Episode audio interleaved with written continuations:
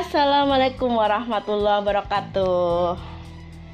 Kembali lagi dalam Pejuang Podcast Season 2 Lagi-lagi nih bersama aku Royana NIM 1810 4136 228 Kali ini teman-teman aku akan menjawab tugas dari mata kuliah pemberdayaan masyarakat yang diampu oleh Bapak Arif Rahman Hakim.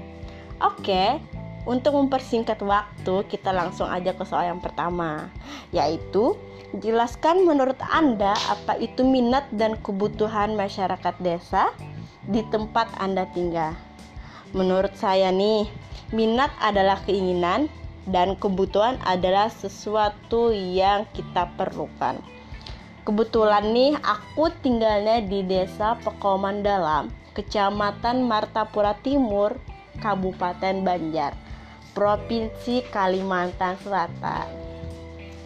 Jadi, e, masyarakat di desa Pekoman Dalam tersebut mempunyai minat bertani dan mereka mempunyai kebutuhan. Kebutuhan mereka adalah uang.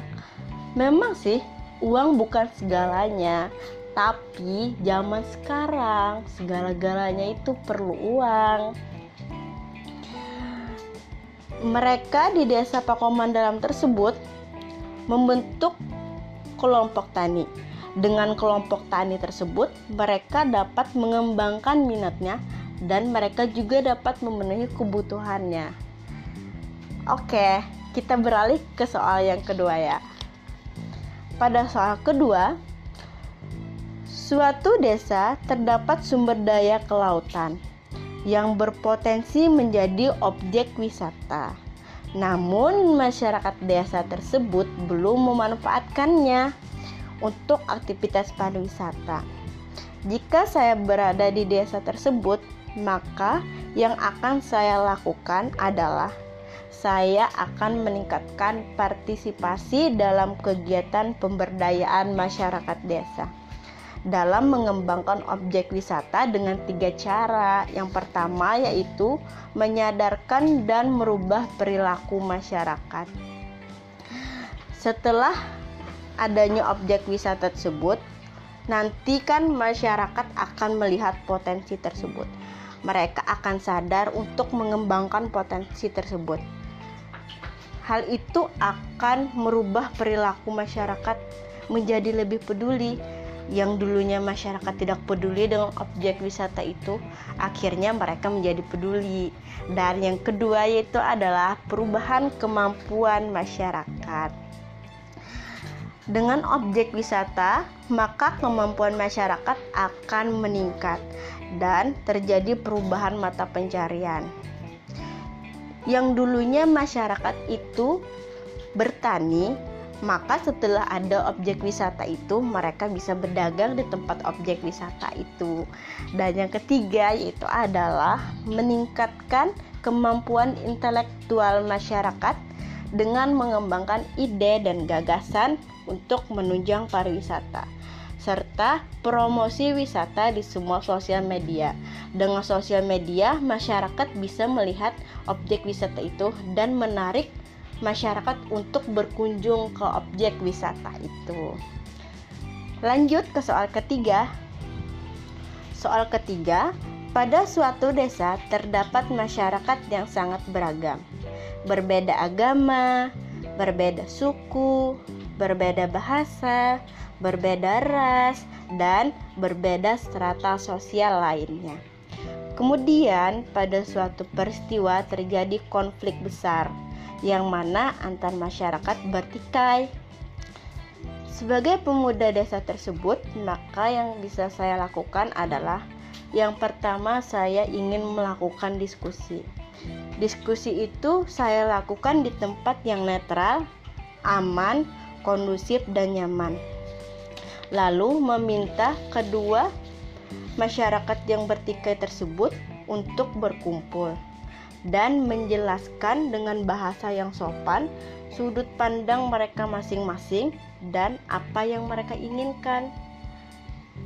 Selanjutnya, jika itu tidak bisa berhasil, maka diperlukan orang yang lebih tua tetapi netral untuk memberikan cara terbaik untuk menyelesaikan konflik tersebut. Dan soal yang keempat itu adalah jika saya menjadi presiden, maka saya akan membuat program desa yaitu saya satu program desa yang saya ingin buat yaitu adalah program pendidikan. Saya memilih program pendidikan karena saya tahu tahu bahwa pendidikan di desa itu cukup rendah dan kurangnya bekal pendidikan di desa itu maka akan berakibat tertinggalnya masyarakat desa dalam beberapa hal. Oleh karena itu, menurut saya perlunya pendidikan di desa agar masyarakat menjadi berkualitas dan berkompeten. Tetapi program itu tidak hanya diajukan kepada pelajar saja, tapi juga kepada tenaga pengajar. Dengan cara memberikan tenaga pengajar itu pelatihan dan kepada pelajar itu beasiswa bagi yang tidak mampu. Selanjutnya, pada program yang kedua yaitu adalah program pemberdayaan melalui kelembagaan desa. Seperti melakukan pelatihan agar nantinya mereka bekerja lebih terarah, produktif dan terorganisir.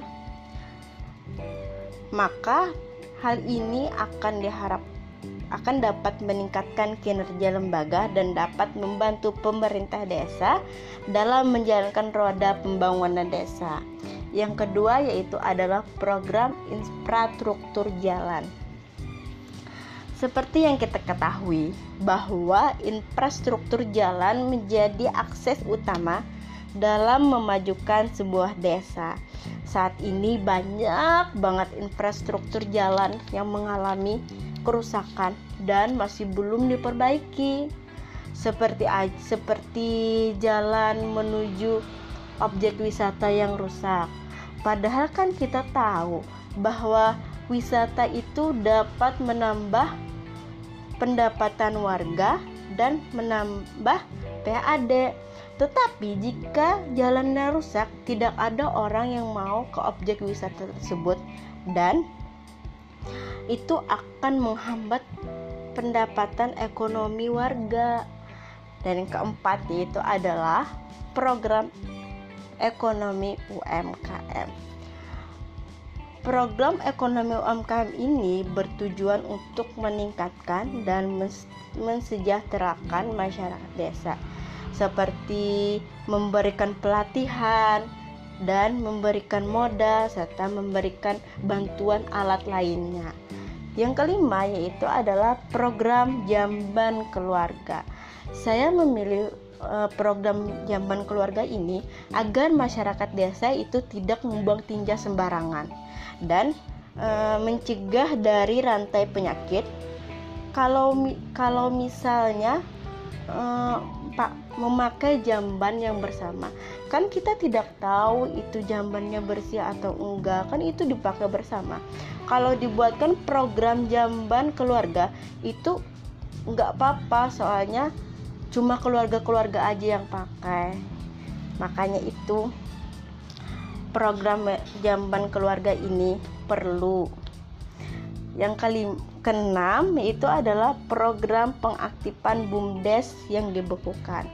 Mengapa saya mengambil program ini?